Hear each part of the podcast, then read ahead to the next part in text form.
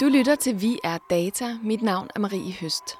Og lige før lyttede du til lyden af en demonstration i København i søndags, som var arrangeret af Black Lives Matter Danmark mod racisme og politivold efter drabet på George Floyd.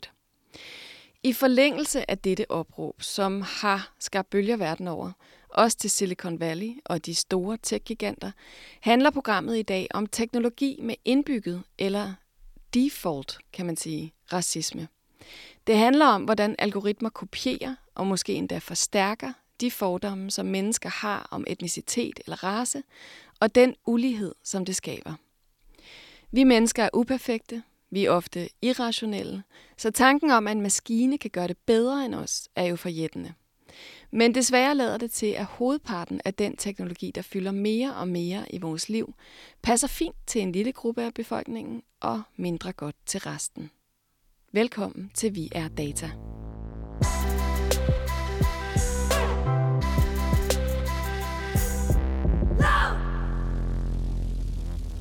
Nu vil jeg byde velkommen til min gæst i studiet i dag. Han hedder Henrik Tjulo og er rådgiver hos Cybernauterne, som tilbyder forskellige kurser og workshops i digital dannelse.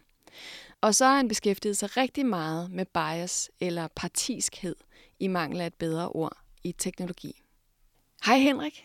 Tak fordi du vil komme i studiet og tale med mig. Mm, tak for invitationen. Det er jo voldsomme tider i USA, som øh, har en lang og dyster historie for undertrykkelse af hele befolkningsgrupper, og som også samtidig så er det land, der producerer meget af den teknologi, som i høj grad påvirker vores liv. Vi skal simpelthen dykke lidt ned i, hvad det, hvad det egentlig er, der sker, når man bygger teknologi, som på en eller anden måde øh, genskaber eller forstærker den her implicit bias, eller det, det er et svært ord at oversætte. Jeg har forsøgt lidt at kalde det ubevidste fordomme eller uligheder, men i virkeligheden er bias rigtig svært at oversætte til dansk. Man kan kalde det partiskhed. Øhm, hvad, hvad støder vi på i vores dagligdag, når vi for eksempel bruger vores computer eller vores telefon?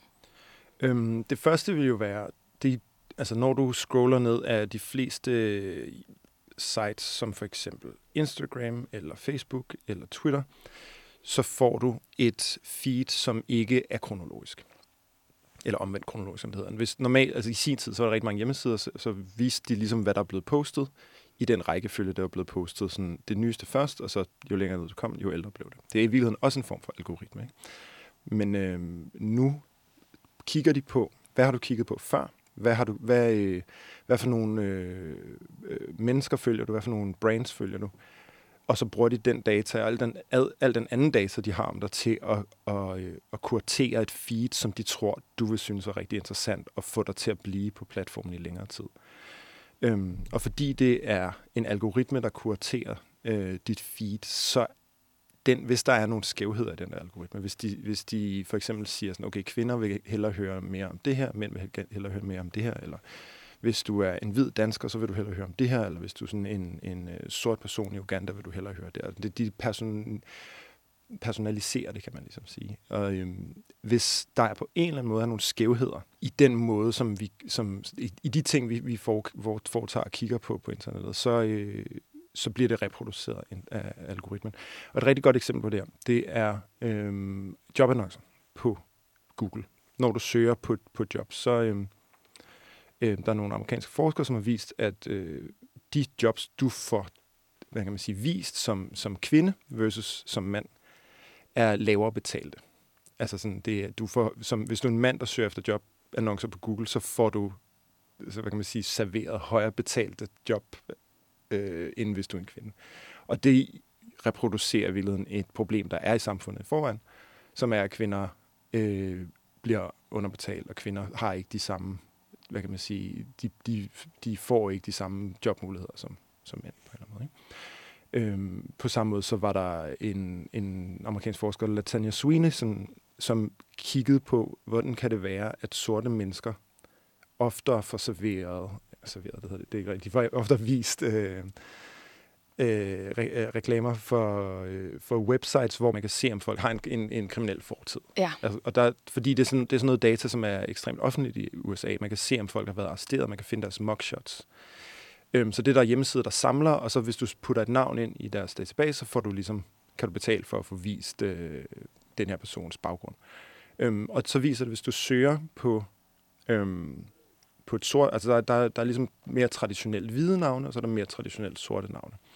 Øhm, og så har hun lavet et datasæt af de her navne, og så, og så ligesom puttet det ind i Google og sagt, hvor ofte får jeg den her slags sådan arrest record reklamer.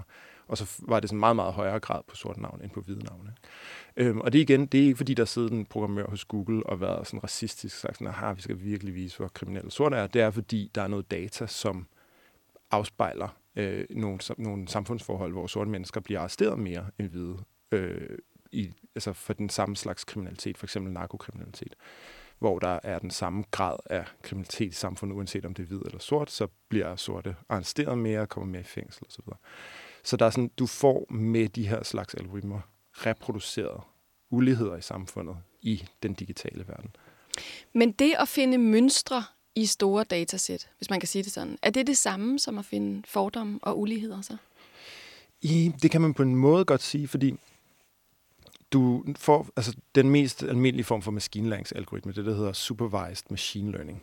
Øhm, der træner du en algoritme. Altså, vi skal for det første sige, at en algoritme er ikke, altså en kunstig intelligens. Når vi snakker om kunstig intelligens, så er det ikke ligesom dig og mig. Det er ikke sådan tænkende maskiner, der laver vurderinger og har alle mulige, har alle mulige øhm, hvad kan man sige, der er ikke, der er ikke særlig meget øh, intelligens på den måde. Det er i virkeligheden rigtig sådan avanceret statistik og noget gætteri, som vi så har programmeret ind i en maskine. Så den måde, man træner en kunstig intelligens på, det er ved at vise den en masse eksempler. Fodre den med en masse data, og så lærer den at genkende ting i ny data. Så hvis du sådan fodrer en masse data og siger, du skal finde hunden på alle de her billeder, og så øh, og så når den ligesom er blevet, blevet god til det, så kan du give den et nyt billede, og så kan den sige, er der en, om der er en hund på eller ikke, øh, eller om, hvor den hund er på billedet, eller et eller andet. Ikke? Øhm, og netop fordi, at du skal bruge en masse data til at gøre algoritmen intelligent, så hvis det her data er taget ud af vores samfund, øhm, så, så kommer alle de uligheder, der er i vores samfund, til at være en del af den her data. Ikke? Så det er derfor, vi får de her slags, altså sådan, hvis billed, billedmaterialet afspejler en, en kultur som omkring køn eller, eller etnicitet osv., så, så kommer det også til at være en del af den søgning, man så får senere. Men det bliver også en del af de øh, for eksempel ansigtsgenkendelsesalgoritmer, vi, vi bruger til at Øh, altså for eksempel politiet kan bruge til at sige, sådan, okay, hvem er det, der er på det her billede? Kan vi finde ud af, hvis identitet er, for eksempel. Ikke? Ja, det vender vi lige tilbage til, men det betyder faktisk ikke, at det nødvendigvis er racister, der har bygget teknologien. Nej, præcis. Det er ikke og bevidst. Det, det, det tror jeg sådan, det er ikke bevidst. Der er ikke nogen, der sidder, fordi at, altså man kan sige, de, de mennesker, der sidder og bygger algoritmerne, ved nærmest ikke engang, hvordan de fungerer. Altså det er så komplekst, at de ved, hvad for noget data, de putter ind i den. Og så kan de skrue lidt. Altså de kan skrue lidt på sådan, hvornår, altså for eksempel sådan noget om, der er det, man kalder falske negativer og falske positiver. Øhm, falske negativer er, når man øh, skal genkende noget, altså når, når der er noget at genkende, men det ikke bliver genkendt. Altså når, når lad os sige, den her hundegenkendelsesalgoritme, jeg nævnte. Hvis der er en hund på billedet, og algoritmen fejler og ikke ser hunden. Det er det, der hedder en falsk positiv. Nu vender den vender lige på. Hvis, den, hvis, der er, hvis der ikke er en hund på billedet, og den siger, at der er en hund på billedet, så er det en falsk negativ. Øhm, og man kan vægte de her, så skal du, du kan tune algoritmen og sige, sådan, skal vi fokusere på at få så mange øh, positive som muligt, og så få nogle, risikere nogle falske positiver? Eller skal vi være så sikre på, at der ikke er nogen, øh, hvad hedder det, falske negativer? Øhm, så man kan, ligesom, man kan ligesom skrue balancen mellem de her to. Men hvordan bliver det et problem, det med de falske resultater? Men det er for eksempel, øh, nu kommer man til at snakke om ansigtsgenkendelse øh, ja. igen, ikke? Altså, det kunne for eksempel være et problem, hvis, øh, og det, det har vist at være et problem med nogle ansigtsgenkendelsesalgoritmer, at de er bedre til at genkende hvide mennesker, end at genkende sorte mennesker. Så et eksempel, det var fra, øh, jeg tror det er fra New York, men jeg er ikke 100% sikker, det er, at øh, algoritmen, hvis du, kom, hvis du viser den et hvidt ansigt, så har den en højere øh, genkendelsesrate end et sort ansigt. Men hvis den så ikke kan finde et match, så viser den der bare de, der, dem, der ligesom er tæt på. Det vil sige, selv hvis den person, du leder efter, er i databasen, hvis vedkommende ikke bliver genkendt, så er der nogle andre mennesker, der, der bliver vist, som på en eller anden måde bliver øh, mistænkeliggjort af den her database som politiet, eller den her algoritme, som politiet bruger til at finde ud af, hvem er det, der er på det her billede, som begår et indbrud, eller slår en eller anden ned på gaden, eller eller andet. Ikke? Så der er en masse uskyldige mennesker, som på en eller anden måde ender med at blive mistænkeliggjort, fordi at algoritmen ikke var god nok til at genkende øh, en, en person. Så i det her tilfælde vil, vil man faktisk gerne have, at den kunne genkende en, altså nu snakker vi et, et, fiktivt scenarie, fordi overvågning er jo ikke så rart at tænke på, men, men det, man bliver mistænkeliggjort oftere, hvis man ikke bliver genkendt I det, her. i, I det her ja. tilfælde. Og det er lige præcis det, man kan sige. Sådan, man kan godt man kan godt ligesom sige, okay, vi kan godt tune algoritmerne og blive bedre og gøre dem mindre, øh, hvad hedder sådan noget, man kan gøre dem mindre biased, gøre dem mindre skæve. Men spørgsmålet er, at, altså sådan, vil man egentlig repræsenteres i de her datasæt? Det, det er jo sådan en diskussion, der foregår lige nu, især i USA, sådan, fordi det specifikt er meget sådan, øh, kvinder og sorte, der bliver fejlgenkendt, eller sådan, der ikke bliver genkendt. Så snakker man om, at vi skal ligesom tune algoritmerne, sådan, så de matcher bedre, sådan så at de er bedre til at genkende sorte mennesker, bedre til at genkende kvinder. Men spørgsmålet er, er det faktisk det, vi vil? Er det, er det, vil vi have, at politiet har rigtig effektive ansigtsgenkendelsesalgoritmer, når man kigger på, hvad politiet ellers laver? Og det synes jeg kommer rigtig meget op nu, at politiarbejde i USA især er ekstremt, øh, hvad hedder sådan noget, øh, altså biased. Ikke kun på den teknologiske front, men sådan, hvem det er, der bliver udsat for det. Og så kan man sige, sådan, det, vil ikke, det kan godt være, at de kunne få nogle mindre, mindre øh, bias algoritmer, men hvis politiet fortsætter med at gøre deres arbejde på den måde, de gør, så ændrer det faktisk ikke noget. Så det er faktisk værre at blive repræsenteret ja. af det her datasæt for sorte mennesker for kvinder. Ja, så vil vi overhovedet hjælpe med at træne den her, selvom man putter flere mørke ansigter ind, selvom man putter flere kvinder ind. Ja. Men, men det med datasæt, altså når det ikke lige kommer til ansigtsgenkendelse i politiets øh, teknologi, kan man sige. Så i forhold til, til al, al den anden teknologi, vi bruger, hvor vi jo rent faktisk gerne vil have, at, øh, at vores egen fordom ikke bliver reproduceret. Jeg kunne da godt tænke mig at støde på søgeresultater, som var meget mere øh, diverse end dem, jeg møder for eksempel. Hvad gør man for at putte hvad gør man for, at en computer ikke lærer af vores fordomme? Kan man putte nogle datasæt ind, som rent faktisk gør det her bedre? Man kan sige, at det er virkelig et øh, forretnings et valg, som de her virksomheder har taget for os, som er, de går ud fra, hvis du er en person, der godt kan lide, eller sige, øh, hvad hedder det, Anders And, du har liket en eller anden Anders And ting på Facebook, så er de sådan, ah, du kan godt lide Anders And, så får du mere Anders And. Ja. Eller sådan, du kan godt lide øh, et eller andet bestemt musikkunstner, så får du mere af den kunstner, eller mere af dens genre. Øhm, og det er, virkeligheden, det er jo sådan en antagelse om vores behov og vores natur og sådan noget. At vi, gerne vil have, vi vil gerne være sammen med mennesker, der ligner os selv. Vi vil gerne gøre ting, vi har gjort før. Vi vil gerne ligne, altså virkeligheden sådan, vi vil gerne være, som vi var engang også. Ikke? Øhm, så, så vi virkelig har sådan en trakt, som, som vi starter med at kunne altså få alt muligt øh, indhold, og så jo længere ned vi kommer den her træk, jo mere ens bliver det, mere sådan strømlignet og og, øh, og sådan personaliseret bliver det. Men det betyder altså, at vi får en ret snæver hvad kan man sige, version af os selv. Altså vi bliver fastholdt i en identitet på en eller anden måde. Ikke? Man kan jo sagtens lave det omvendt og sige sådan, okay, du er sådan en, vi ved, at folk, der godt kan lide, øh, hvad hedder det, øh, folk, der godt kan lide at læse øh, politikken, også godt kan lide at gå på den her slags restauranter, men har du prøvet noget helt andet, som mm. du aldrig har prøvet? Altså man kan også lave de her, de her algoritmer, sådan, så de faktisk spreder ud og siger, helt, der er alle de her muligheder, som du ikke har tænkt over. Der er alle de her nyhedsartikler, du aldrig nogensinde ville have læst, hvis du, hvis du bare ligesom var i din filterboble, som det hedder. Øhm, og det er virkelig en antagelse, som de her virksomheder har taget om os, øhm, på, hvor de, de har vurderet, det er det, der kommer til at tjene dem flest penge. Fordi de klikker, man, vi klikker på reklamer, som vi på en eller anden måde kan genkende os selv i, eller sådan et eller andet. Ikke? Så det kan sagtens lade sig gøre, øhm, så, og det, det er et ren og skær sådan forretnings, øh, et, en beslutning, i, i, øh, i, altså forretningsbeslutning. Ja, fordi håbet kunne egentlig være, at når, når nu menneskelige hjerner på en eller anden måde er konstrueret til at være fordomsfulde som udgangspunkt i forhold til, hvor meget information vi forholder os til, og hvordan mennesker ser ud rundt om os, og hvad vi nu ser, som du lige beskriver, at, at computeren eller teknologien kunne gøres bedre. I, altså, I princippet så er det jo det der, vi vil, jeg tror, det er sådan, hvordan kan vi, det ideelle ville være, at vi selv havde kontrol over det her, ikke? at vi kunne skrue på parametrene selv, og sige sådan, okay, jeg vil faktisk gerne, vi kommer ikke til at undgå at leve i filterbobler, vi kommer ikke til at undgå at have en eller anden form for sådan virkeligheds boble, vi kommer til at gå rundt i, fordi der er uendelig meget information, som vi kunne læse hver dag. Ikke uendelig i sådan, altså, teoretisk set, men sådan uendelig i praksis for os, så kan vi ikke læse alle nyhederne vi kan ikke læse alle, alle de tweets, der er blevet tweetet. Jeg vil gerne læse alle de sjove tweets, for eksempel. hver dag, fordi det er derfor, jeg er på Twitter. Det er, på, det er ikke på grund af alle de, alle de andre perfide ting. Det er sådan, der, der, der bliver skrevet rigtig meget hver dag. Hvordan, får, hvordan kunne jeg tune min egen algoritme, så jeg får lige præcis det indhold, jeg vil have, frem for at det er i virkeligheden ret formynderisk Twitter eller Instagram eller Facebook, der tager den beslutning for mig algoritmisk. Det vil være, det vil være sådan retfærdigt på en måde, ikke? at vi selv styrede vores eget feed.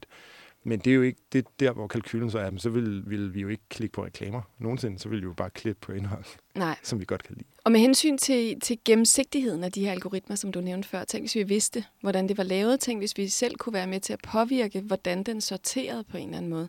Når nu man udvikler de her algoritmer, ansigtsgenkendelse har vi nævnt flere gange, men sådan noget software, som er meget kompliceret, tager tid og penge, ved dem, der bruger det så, hvordan de her algoritmer er tweaked? I mangel af bedre ord. Det er meget svært at tro på. Altså, det er sådan, hvis, du, hvis du kigger på, hvordan vi selv forholder os til Facebook, ja, der er ikke nogen, der ved, hvorfor de får vist en bestemt ting og ikke en anden ting, når de ser, hvad, om, om det så er en reklame, eller om det er noget faktisk indhold. Altså om du har set din mors øh, video øh, dagbog på Facebook, eller hvad folk nu lægger på Facebook nu tages, ikke? eller om du har set en, en reklame for, øh, for et eller andet. Altså hvad der kommer op, det har vi jo ingen indsigt i. Og det tror jeg heller ikke, at der er nogen, der, der, der sidder med, med, med altså beslutningstagningsalgoritmer. Andre sidder, hvis du sidder i en bank og skal vurdere, om den her person kan få et lån eller ej, så får du jo bare en, en, en kreditvurdering. Du får en score, som øh, du jo ikke kender beslutningsgrundlaget for som bankrådgiver. Du får bare at vide, at den her person har det her tal, og så kan det være, at du har nogle, nogle forklaringer i systemet, men du kan jo ikke sådan, du kender ikke algoritmen, du kender ikke alt det, øh, hvad kan man sige, talknuseri, der er foregået nedenunder. Og du ved overhovedet ikke, om det er retfærdigt her. Øhm, om den her person, om grunden til, at vedkommende ikke kan få et lån, er det fordi vedkommende faktisk har en dårlig økonomi, eller er det fordi vedkommende har sådan en, ikke passer ind i nogle af de kasser, vi har, eller er det fordi vedkommende er sort, eller sådan. Der er alle mulige ting, der kunne foregå der nedenunder. Men som du som slutbruger, i det her tilfælde en bankrådgiver, eller det kunne være en forsikrings, øh, forsikringssælger, hvad, hvad, hvad er det egentlig, der gør, at en administrativ beslutning bliver taget på den måde, det, det bliver gjort. Det er der helt sikkert ingen af dem, der eksekverer dem, der gør. Det er jo ret skræmmende. Altså, fordi det er jo virkelig de her beslutningsalgoritmer, som du kalder dem, de bliver brugt på hvad? På job. Job, når du får. Det vil sige, det er hvilken indkomst du har, hvilke skoler du kommer ind på. Mm. Hvad... Mm. Om du kan få en forsikring, om du kan få et banklån, øh, hvilket hus du kan få. Om du ja. kan få, altså sådan. I USA også, om du hvor lang din straf bliver, om du kan prøve løsladet. 100 procent. Og ja. der, er det, der er det jo netop vist, at det er super skæv, skævvredet, at sorte mennesker får længere straffe. Også, altså de bliver også, øh, de bliver, algoritmerne øh, foreslår længere straffe til dommerne, når det er sorte mennesker, end når det er hvide mennesker, for den samme slags kriminalitet. Igen, fordi det datagrundlag, de er blevet trænet på, har haft den skævvredning. Øh, skævvredning. Og hvorfor stoler vi så mere på de her resultater, når de kommer fra algoritmer, end fra mennesker? Men er det, ikke, det er jo fordi, vi ikke forstår, altså vi ved netop, vi, vi, altså kom, der er den her øh, idé om, at hvis en computer siger noget, så passer det. At en computer er lidt sådan en, et orakel i virkeligheden. Ikke? Det er sådan en magisk boks, hvor hvis vi trykker på den, og hvis den siger ja, så, så er det sådan absolut, og hvis den siger nej, så er det sådan, så, så, så, er det, så passer det ikke. Og det, der, der er et eller andet med, med øh, når tingene foregår bag en skærm, fordi vi faktisk, de fleste mennesker har ikke den, det er ikke et særligt godt ord på dansk, men sådan digitale dannelse, eller sådan forståelsen af, af teknologien til at, at, at kigge på skærmen og sige, okay, der, der er foretaget tusind beslutninger, før jeg har fået resultatet. Øh, alt, altså, man kan virkelig se, at computerprogrammer er en lang serie af beslutninger, nogle andre har taget for en. Altså, det er sådan, hver, hver programmerings, programlinje i et program er nogen, der har skrevet den, og den kunne også godt være anderledes. Så hver, altså, alle programmer er, er sådan, på et eller andet mikroplan super duper politisk. Ikke? Altså, du kan ikke du, når du skriver et computerprogram, så tager du nogle beslutninger på andre menneskers vegne. Og hvis du ikke selv ved, hvad det er for nogle beslutninger, hvilket grundlag det er taget på, øhm, så, har du, så kan du heller ikke have indsigt i det. Og det, jeg tror, der er sådan en, det er grunden til, at vi godtager det, for det meste virker det for os. Altså fordi, for de fleste mennesker, så er man kun lidt frustreret over, hvordan computere virker. Det er sådan, man skal lige lære den, deres sådan quirks. Hver gang man bliver irriteret over et eller andet, at ting ikke lige virker præcis, som man vil have det, så er det fordi, der er nogle andre, der har taget en beslutning som, ikke, som passer til dem, men ikke passer til en. Ikke? Jo, og det, lige før det bliver et problem, at man kalder det kunstig intelligens, og at sci-fi fiktion gennem overvis har, har fortalt os, at det er meget, meget klogt.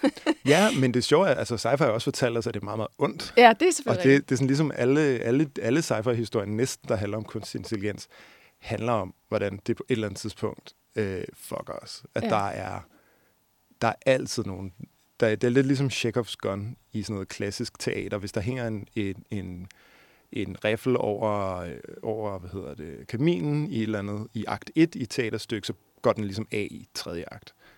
Og sådan er det også med, øh, med, med kunstig intelligens i film. Altså hvis der er en, sådan en computerstemme, der siger et eller andet i første akt, så er der virkelig stor sandsynlighed for, at hovedpersonerne skal slås med den her computer til sidst. Ikke? Jo. Du lytter til Vi er Data på Radio Loud. Mit navn er Marie Høst. Bias i teknologi er desværre ikke noget nyt. Nana Schmidt Nordeskov har talt med Tess Skadegård Thorsen om en af de allerførste computeralgoritmer til at tage beslutninger fra 1979, som blev skrottet, fordi den var både racistisk og sexistisk. Hej Tess, tak fordi du var med. Jamen tak fordi jeg må være med. Tess, du er Ph.D.-studerende i repræsentation og ulighed i medier og film. I dag der skal vi snakke om en øh, algoritme fra 1979. Hvad var det egentlig, der skete med den? Jamen, den algoritme, vi skal snakke om i dag, øh, handler om, øh, om sortering eller øhm, øh, anbefalinger af personer, der enten skal ind eller ikke skal ind i et program på en skole, øh, på en medical school. Øh, og det, der egentlig sker med algoritmen, er, at man, man opdager, at man får en masse ansøgere på den her skole hele tiden, og dem, der skal sidde og sortere de her ansøgere, øh, bliver overvældet. Og så er der en af dem, der arbejder med algoritmer, Dr. Jeffrey Franklin, som, øh, som beslutter sig for, at det vil være smartere, hvis man bare automatiserede den her proces. Øhm, så han laver en algoritme og træner den øh, på den måde, som de allerede øh, vælger øh, studerende nu.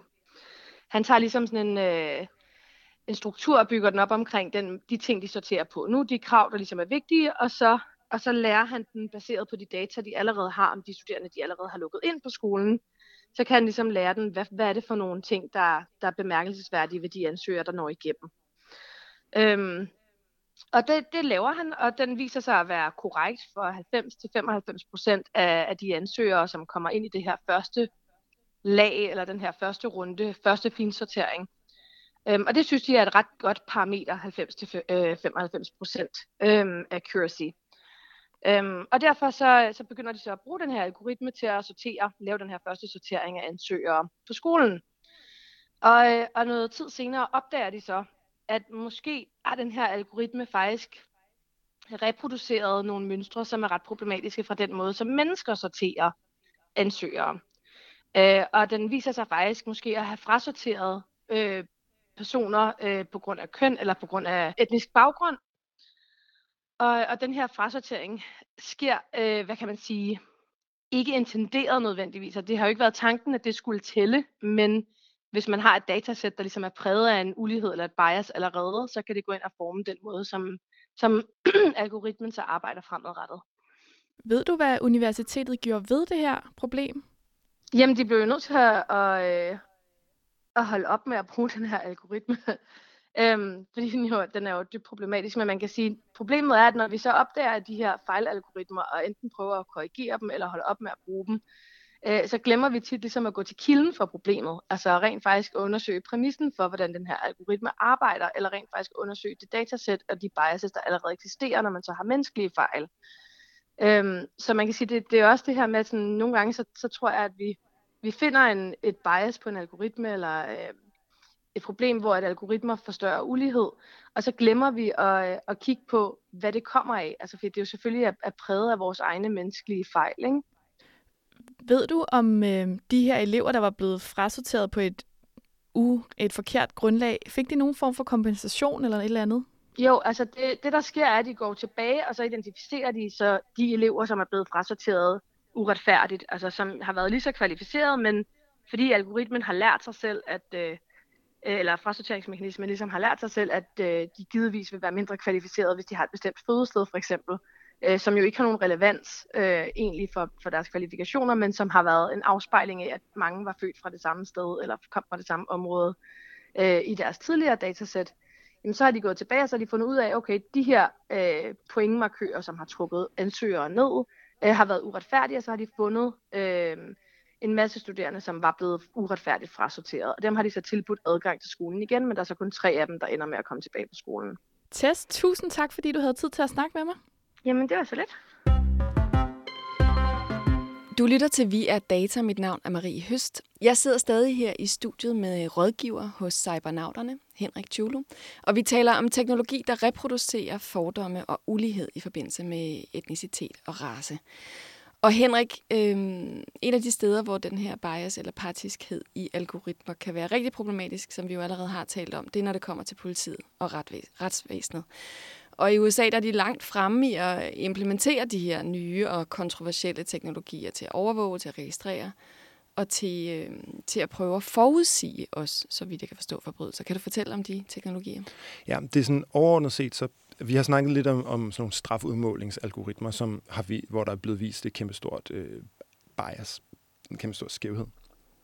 Et andet sted, hvor det kommer til udtryk, det er i det, der øh, bredt set bliver kaldt predictive policing. Og predictive policing betyder grundlæggende set, at man bruger algoritmer til at prøve at forudsige, hvor enten geografisk øh, kriminalitet kommer til at foregå, eller sådan person, altså personligt, hvem der kommer til at, for, at foretage kriminalitet i fremtiden. Så det er ligesom de to slags øh, predictive policing-algoritmer. Enten er det sådan, øh, sådan, øh, sådan handler om, hvor hen i verden, eller hvem der gør det. Ikke? Øhm, og de her algoritmer er udviklet igen af, der er nogle forskere, der er nogle, politist, nogle politi, hvad hedder det, um, politienheder, der er, øh, der er virksomheder som Amazon og, og øh, øh,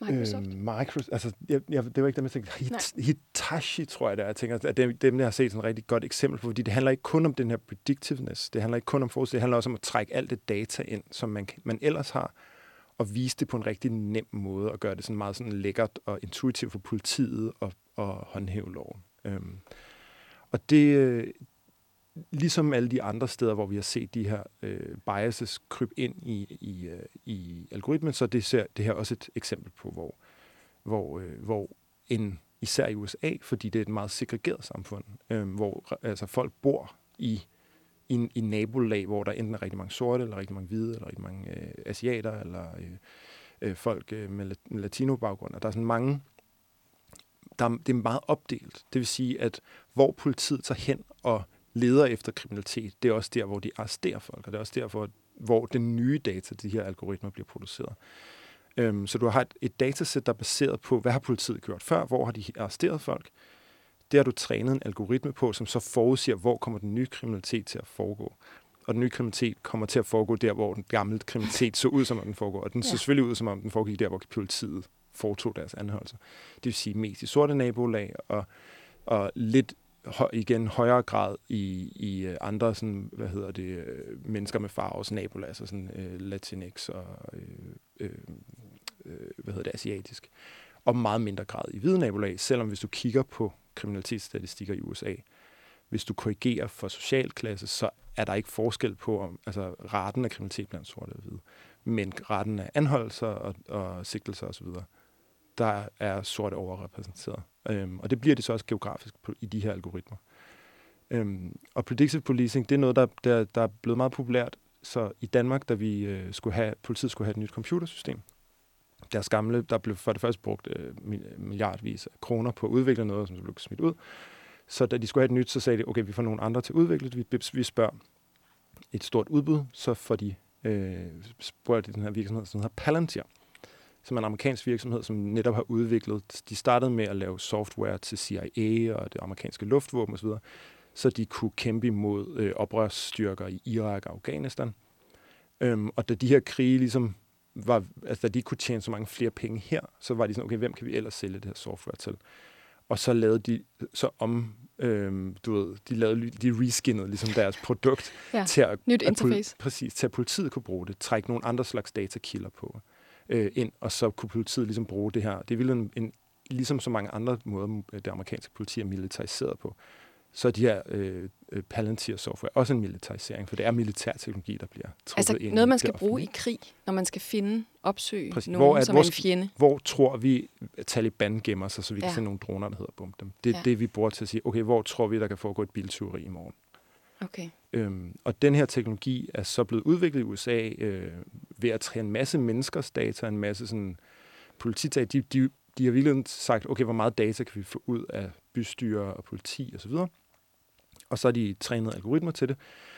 Og så har de det her predictive policing system, som de så... Øh, da Danmark lavede udbuddet, så sagde de, at vi vil gerne have et system, der er let at bruge, og hvor vi kan trække data ind og, og, og, og ligesom styre, øh, hvad hedder det, øh, lovhåndhævelsen i Danmark. Øhm, og i udbuddet, der stod der faktisk, at de ville eksplicit have et predictive element. Der skulle være maskinlæring. De skulle også have den her mulighed for at kunne forudsige, hvor kriminaliteten foregår. Men fra udbuddet til det Palantir så faktisk byggede i Danmark, så har de droppet øhm, den del af det. Fordi som øh, politidirektøren sagde i et andet interview, hvor jeg også var med, så er der simpelthen ikke nok kriminalitet i Danmark, til vi kan lave, statis, eller lave den her slags statistik, som, som gør, at vi kan forudsige kriminalitet. Altså, der er så lav en grad af kriminalitet i Danmark, at det ikke meningsfyldt kan forudsiges.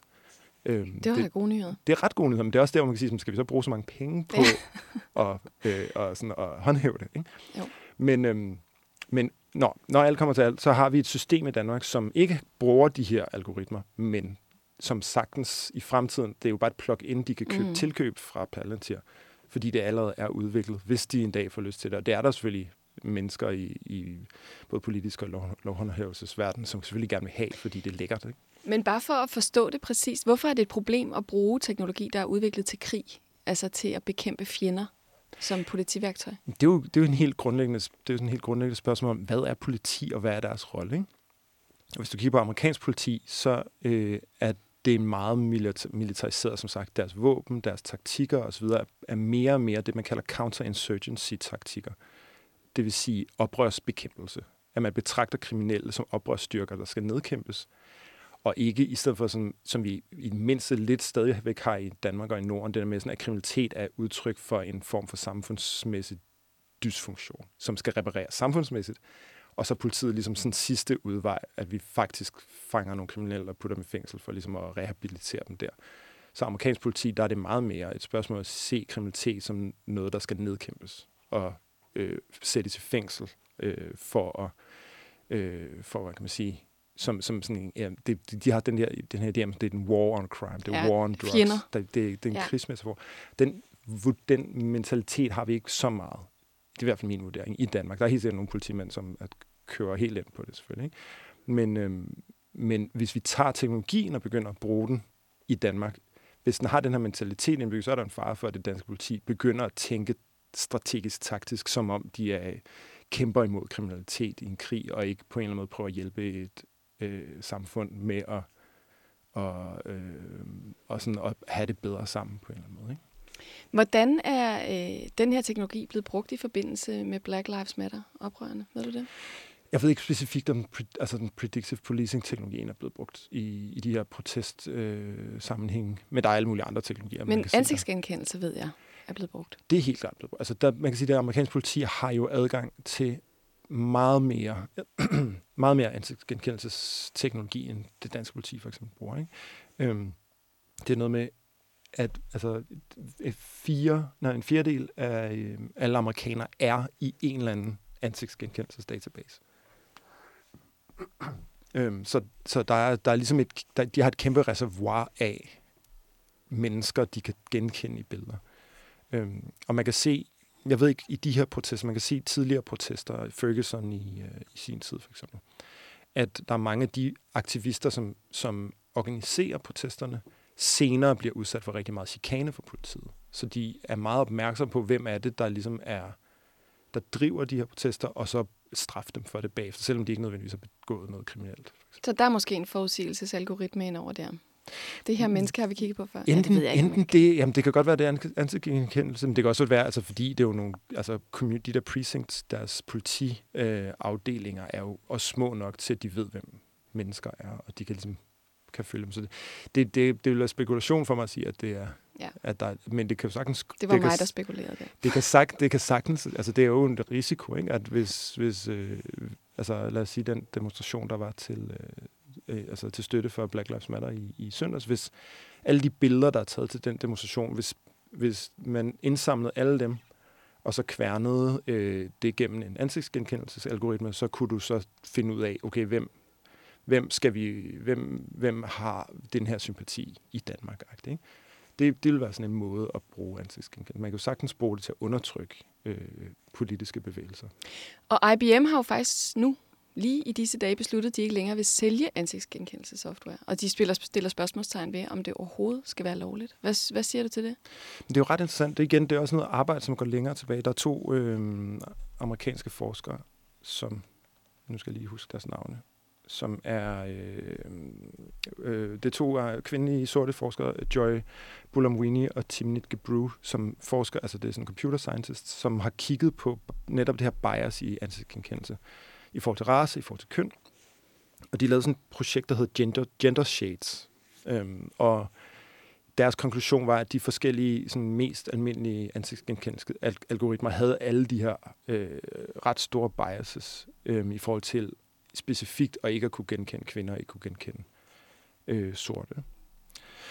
Øhm, så på en eller anden måde, at IBM's at de har ligesom taget konsekvensen af noget forskning og sagt, okay, vi, har, vi kan ikke stole på de algoritmer, der ligesom bliver brugt til ansigtgenkendelse, og det, der kommer ikke, ret, der kommer ikke en ret, et retfærdigt udfald ud af, at vi bruger dem til for eksempel altså politiarbejde, fordi der alle de bias, der er i politiet, de bliver forstærket af, at, at, at, øh, at vi bruger dem. Så man kan sige, det er sådan en god, det, det virker som om, det er sådan en god beslutning. Det er, problemet er, hvis det kun er IBM, der gør det. Så, ja. så er det lidt fint for dem, kan man sige. Det er godt for deres øh, corporate social responsibility, som man siger. Ikke? Altså, de, de viser, at de er etiske, men som, som helhed, så er hele den her sektor jo ikke forandret, bare fordi en virksomhed gør noget nyt. Men hvad skal vi dog gøre? Hvad skal vi gøre for at ændre ved den indbyggede racisme, der er i vores teknologi? Ja, ikke kun racisme og sexisme, alle mulige typer af bias, som ligesom øh, eksisterer, fordi vi er biased. Det er lige præcis, altså det sidste, du siger, er jo lige præcis det, der er problemet. Altså teknologi, vi kan ikke, vi, det kan, vi kan godt prøve at ændre teknologien og sige sådan, okay, lad os, lad os gøre vores algoritmer mindre racistiske, mindre sexistiske, mindre sådan klassistiske. Ikke?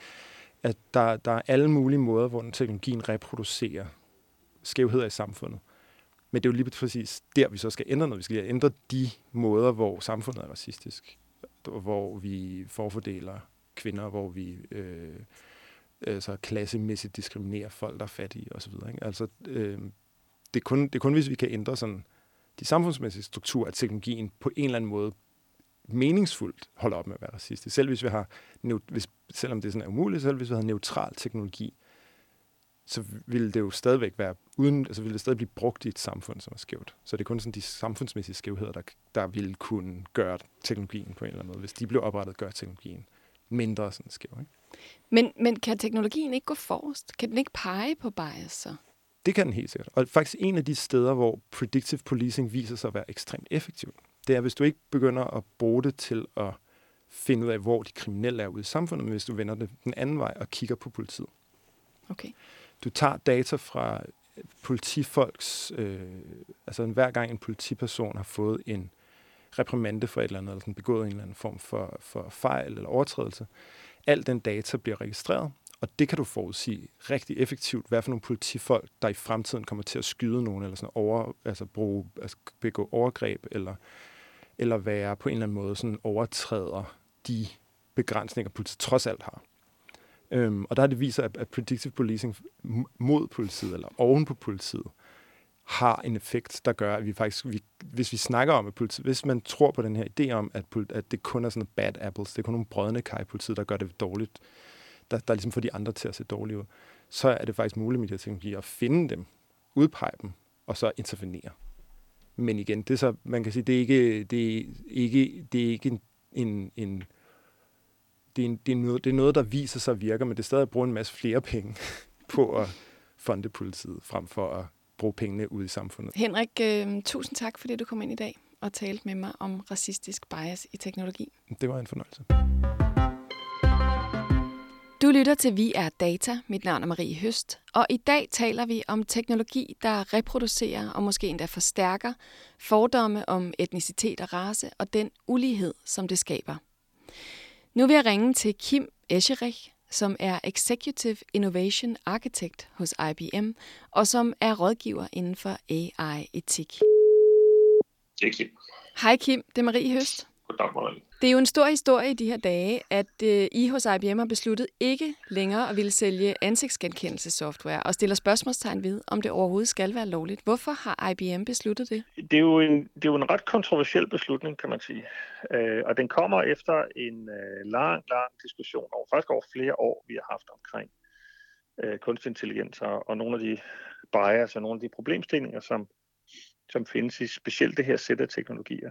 Øhm, og jeg tror, det jo selvfølgelig er inspireret af den situation, vi ser i USA lige for øjeblikket, øhm, hvor vi jo gerne vil lave et øh, politisk og etisk statement omkring nogle af de her ting. Så det vi siger, det er, at vi vil ikke øh, længere udvikle og sælge løsninger, men vi vil heller ikke længere implementere andres løsninger. Det man lige skal huske, at IBM laver jo faktisk en del smart city og overvågningsløsninger og forskelligt andet på, på forskellige vis. Så det er faktisk en ret markant udmelding, øhm, som selvfølgelig bunder i, at der er nogle problemstillinger med, den her, med de her teknologier. Betyder det, at ansigtsgenkendelse som teknologi slet ikke skal eksistere hos IBM? Altså eksperter fyres, afdelinger lukkes, eller jeg ved ikke, hvordan det ser ud? Det er jo godt, det er jo et godt spørgsmål. Øhm, det, det, det tror jeg ikke, fordi øh, det er jo stadigvæk et forskningsområde.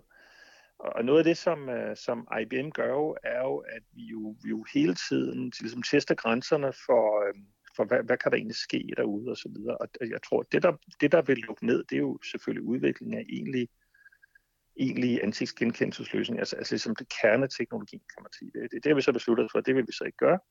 Men jeg er fuldstændig sikker på, at vi jo stadigvæk forske i bias og transparens og nogle af de her problemstillinger, der er omkring kunstig intelligens, også i forhold til ansigtsgenkendelse.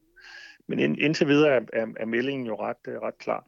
Jeg tror også, vi siger også nogle ting omkring i, i det brev, som vores, øh, vores administrerende direktør har sendt til den amerikanske kongres, siger vi jo også, at, at, at, at både vi, men også politikere, skal jo passe meget på, hvor de her teknologier bliver anvendt hen. Og vi, og, og, og vi siger, at vi vil kun anvende dem, anvende dem, hvis de lever op til vores øvrige øh, etiske principper omkring AI. Øh, så det vil sige, at vi vil ikke, vi vil ikke udnytte det til at profilere mennesker på uetisk vis eller andet af den stil. Men nogen vil måske påpege, at I alligevel var lidt bagud i konkurrencen med, til for eksempel Amazon og Microsoft og nogle andre udbydere af den her software? Øh, ja, selvfølgelig. Det er jo ikke noget stort område for os, det her. Men, men, men det, man skal huske, det er, at IBM er jo, øh, er jo ikke... Sådan var det i gamle dage. IBM er jo ikke et, øh, et software, nødvendigvis et, et, et, et stort software-hardware firma i dag. Langt, langt størstedelen af vores forretning, det er jo faktisk services og konsulentydelser og systemintegration og andet. Øhm, så, så det, at vi siger, at vi lukker et produkt ned, øhm, har jo selvfølgelig en betydning, men det har en anden betydning, at vi siger, at vi vil ikke arbejde med et, et teknologiområde. Det er jo faktisk også en af de ting, vi gør. Ikke? At vi siger, at vi vil heller ikke implementere løsninger baseret, baseret på andres, altså hvad kan det være, Microsoft, Google, Amazon osv. osv. Andre selskabers uh, konkrete løsninger. Det er de faktisk ret markant, ja. øh, når vi gør det. Øhm, ja, fordi indtil den her historie, den ligesom øh, kom frem for et par dage siden, hvor jeres CEO kom med den her udmelding, der, øh, der havde jeg kigget på IBM i forhold til at prøve at, at netop lave ansigtsgenkendelse, som var øh, Øhm, som ikke havde de her skævheder i sig. Fordi tilbage i 2018, der var der en MIT-researcher, der afslørede, at, at, øh, at jeres ansigtsgenkendelsessoftware havde en fejlprocent på 35, når det kom til personer med mørk hud, i forhold til kun 1% på personer med lys hud. Og der forsøgte de faktisk at rette op på den her skævhed. Hvad var det, I gjorde der? Ja, men, men vi, vi jo... Øh en af de ting, som, som jo sker, når man arbejder med løsninger, altså AI og, og machine learning modeller og, og hvad det hedder alt sammen, er jo dybest set øh, mønstergenkendelse.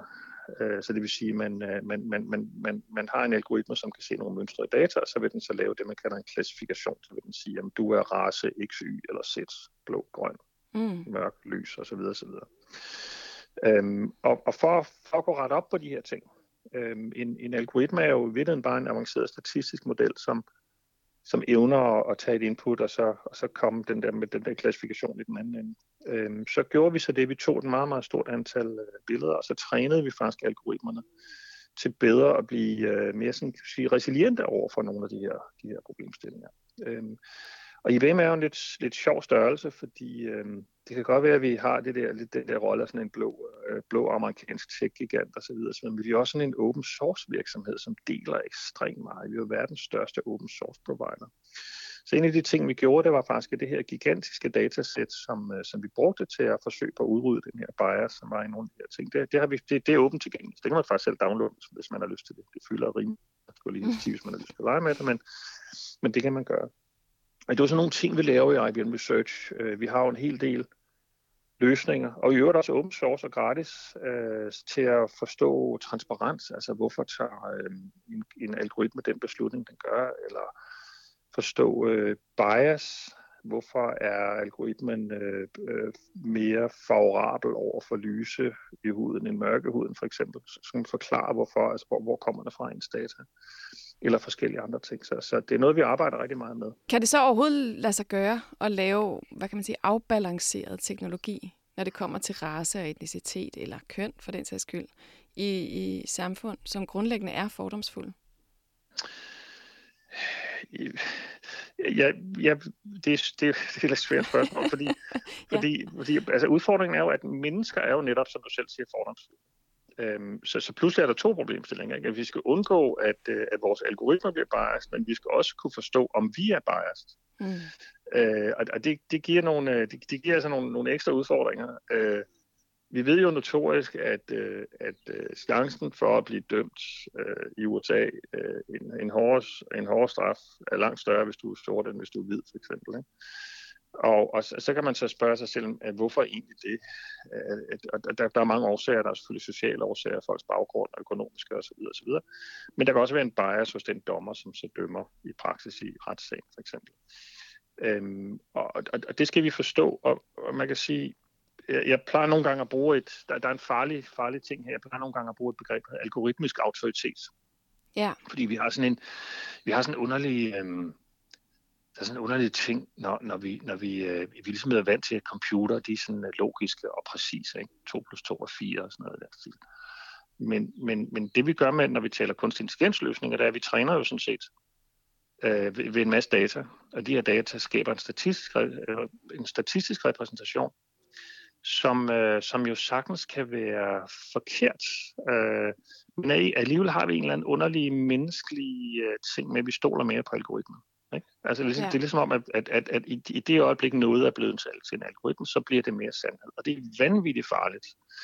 Fordi hvis vi tager hele historikken fra det amerikanske retssystem, og hvordan dommerne dømmer, hvis de er biased, jeg ved det jo ikke, fordi det er jo, stadig, det er jo som, som sagt noget, vi ikke ved, og vi koder de her ting ind i algoritmen, så vil den jo så tage fuldstændig samme, øhm, samme, øhm, samme beslutninger.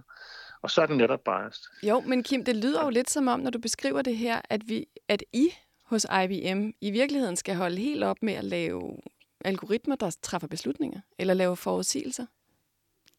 Nej, det tror jeg nu ikke. Det er, det er, jo, ikke, det er jo ikke specielt også hos IBM. Vi arbejder også med alle mulige andre løsninger, kan man sige. Ikke? Øhm, nej, vi skal bare være opmærksomme på, hvad vi gør. Og det, og det er jo derfor, at, øh, at, at hele det her område omkring, øh, omkring etik er jo exceptionelt vigtigt, når vi taler kunstig intelligens. Øhm, noget af det, vi gør i IBM, det er, at vi har, vi har, vi har så en strategi om, at alle, der er involveret i at lave løsninger, er faktisk medansvarlige for de etisk velfungerende. Det, og det gælder både sælgeren og chefen og projektlederen og programmøren.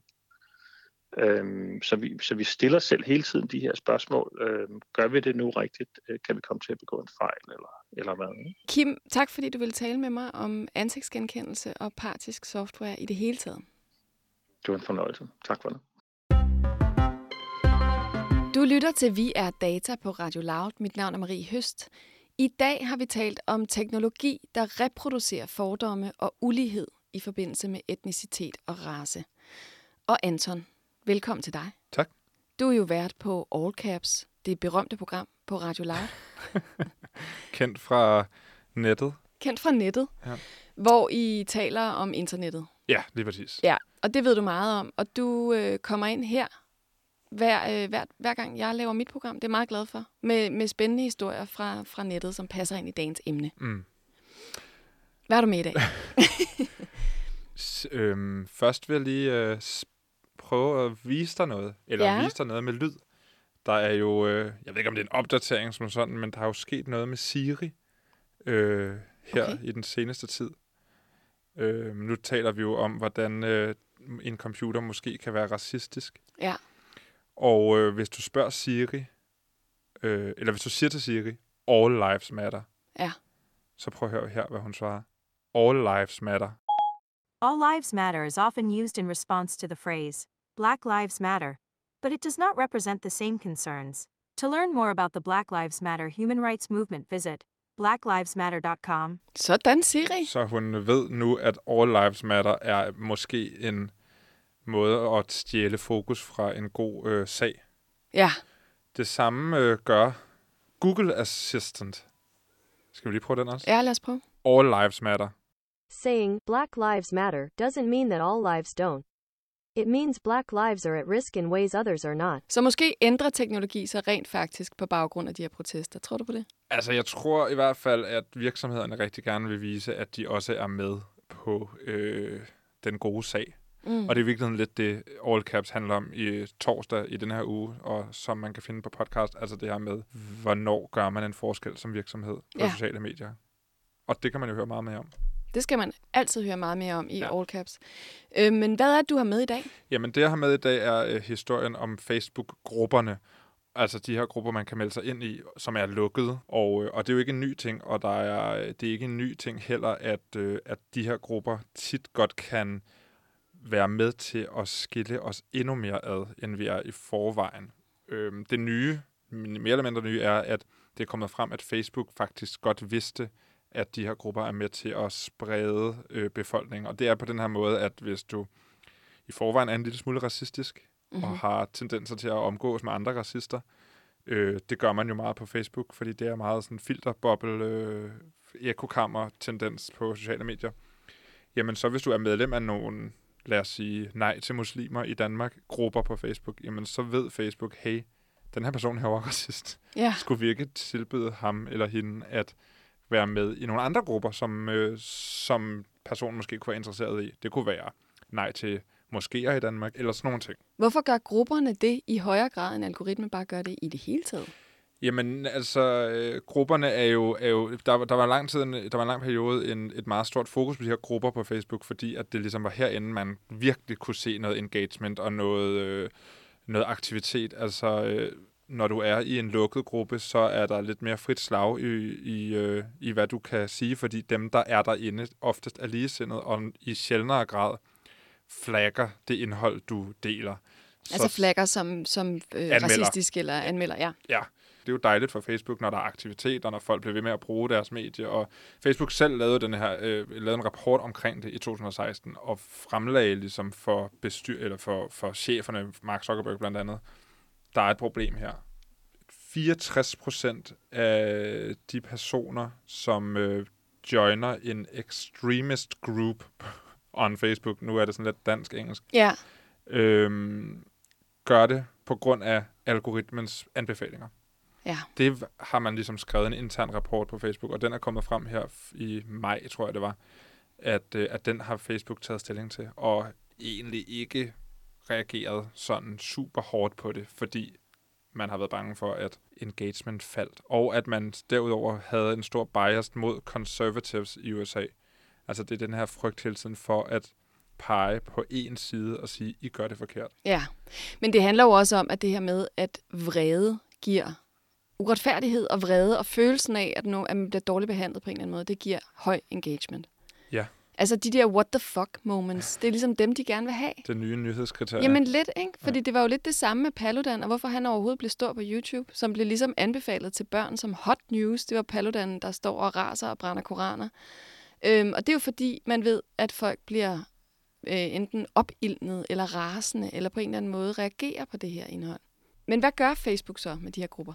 De, de har jo en masse fede ord og en masse planer om, hvordan de vil minimere hadsk tale, og øh, hvordan de vil øh, være lidt mere striks om, hvad der bliver anbefalet af de her grupper, og så har de rekalibreret deres algoritme, whatever that means. Det er altid smart, når ingen kan se igennem, ikke? Men så har de også gjort det, at de har mindsket mængden af ting, man ser, som ikke er vores venner og familie. Altså, de har skruet op for venner og familie på øh, newsfeedet, og ned for øh, alt andet. Og det er jo så, kan man sige, øh, surt for, hvis man bruger Facebook for at få nyheder, men det er for at undgå, at man får meget sådan polariserede øh, informationer. Så man håbe, at ens venner og familie ikke er polariseret. det, det, er jo det. det er jo det. Ja, Og det er det de der jo. problemet. Ja. Jamen, øh, tak for den, Anton. Jamen selv tak. Det var alt, hvad vi nåede denne gang i Vi er Data. Vi er tilbage næste lørdag kl. 17 med genudsendelse søndag kl. 17, og ellers kan du som altid finde programmet i din podcast-app. Programmet var produceret af og på Enigma Museum for Post, Tele og Kommunikation, og i redaktionen sidder Anton Gade Nielsen, Nana Schmidt Nordeskov og jeg selv. Jeg hedder Marie Høst. Tak for denne gang.